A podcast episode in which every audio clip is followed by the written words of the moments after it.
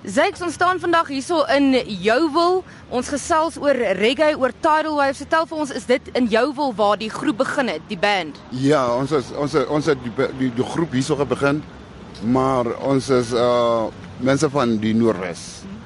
Ja, ons het hierso gekom, I think that was 19 1990 and then 1998 when our first band split it.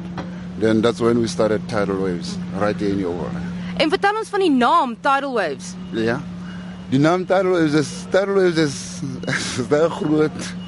'n groot ding wat but but what I can say is that we wanted the, our music to actually be the same as Tidal Waves uh, project. You know, it must reach the masses as much as it can. Mm. Yeah. En vertel ons van reggae. Wat presies is reggae? Want baie mense het 'n het 'n persepsie van wat dit is, maar uit jou mond uit, jy maak dit nou al vir jare. Nee, ek ek dink reggae uh, maak nie goed in Afrika.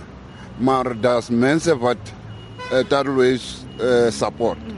Ek is ek is trots om om te sê mense uh, especially wit mense hulle hulle hulle hulle hulle verstaan ons musiek te baie meer as die mense van die lokasie. Ja. So in Africa we I can say we are okay we are okay with what we are getting but we have to work hard to make everyone be aware about tidal waves or reggae music as as, uh, as it is.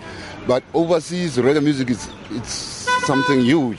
Yes. In South Africa, reggae music it, it has a problem, a little bit of a problem, because some of the media people they they they kind of like having some bad vibes when it comes to reggae, because they want they want to actually stigmatize reggae with with marijuana and all the bad culture on it, you know.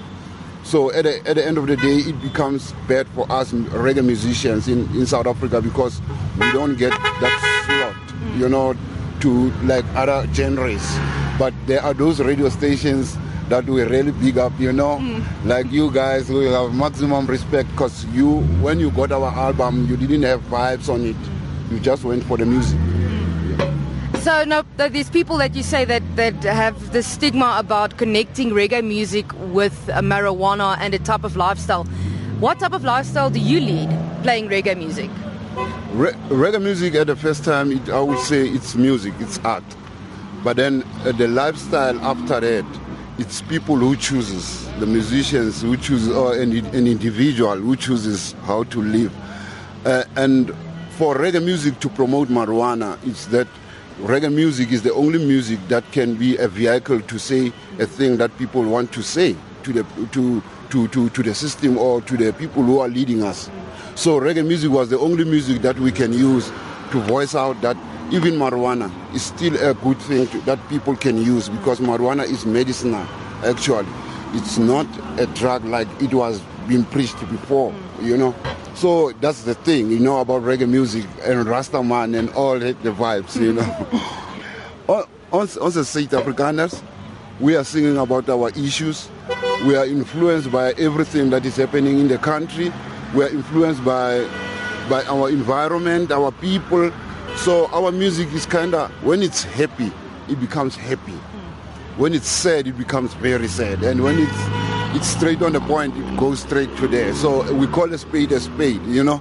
So we are like that. So, but our music, it's it's it's more African influenced. Mm. Yeah. Like you're saying, it's African. It speaks to all all the races in South Africa. You specifically said that a lot of white Afrikaans people connect with your music. You also had a white drummer. Do you think that that had a lot to do with it? No, no, no, no, no. no. With with us, I think we we, we didn't uh, experience a lot of problem. You know, that's why with me, I was thinking that sometimes, like here in, in our country, we have this problem of bringing the people together, this thing of building the rainbow nation. And I realized that, you know, the politicians sometimes they don't have a good eye to see, you know, or to listen. They don't have an ear to hear, you know, because we, as rainbow, rainbow man is a Rastaman, firstly. So if a rainbow man is not included in a rainbow, the rainbow won't, won't, won't function. Mm. They need to call us in so that we make it function because we, we are the people who can break the barriers between the, the, the, the races of the people because we are here to preach about humanity and love, peace, you know. So some other people like politicians, religious people and all that, they cannot do that. It's only us, the Rasta people, who can do that. Zakes, you keep on saying the Rasta man. What does that mean? A Rasta man is a natural man. You know, people they got modernized and went out of nature, so there was only one man who was left in nature. That's Rastaman. Hmm. Yeah, so he's a natural man. And that's the way you live your life. Yeah, true. That's why even now I'm, I'm, we, we, we, we preaching the vegetarian life hmm. about, uh, you know, our life because we realize that we are even friends to our animals. You know, we don't need to, to kill to eat. Hmm. You know, we can still eat without killing. Yeah. You know, so that's the thing. And do you bring this into your lyrics as well? Yes, that's why sometimes we we say these things that we want to say about us. Yeah. And like now we're working on a new album. We we have a song there that is saying uh, we fought a just cause. That's the song that is explaining that how we Rasta people have tried to bring the people together of all the races, you know, without any prejudice, you know. So we like pushing it, that agenda forward so that people they must be aware because in this time people are not aware about it. They think that a Rasta man is just somebody who's like hooligan, you know, and they don't know that that's the most peaceful person that you can find on earth. Mm-hmm. Who are your influences? Who do you look up to in the reggae in the reggae industry? Oh well, Bob Marley, of course. Lucky Dube, Peter, Peter Tosh, a lot of reggae music, you know, and, and, and, and African reggae, you know, Alpha Blondy and them. Yeah. yeah.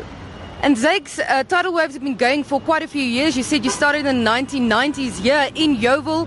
Where are you guys going? Where, where are you guys performing in the next month? I know you're going to the Drakensberg as well at the end of the year. Yes. We're doing the, the, the, the, the Dragon Fest in the Drakensberg. And uh, we, we're heading forward. We're thinking that next year we'll be trying to get out more. We're doing Botswana. So it's getting crazy, but not yet confirmed the overseas gigs. Yeah. Yeah, so we're working on, because in uh, overseas they, they just need a new material.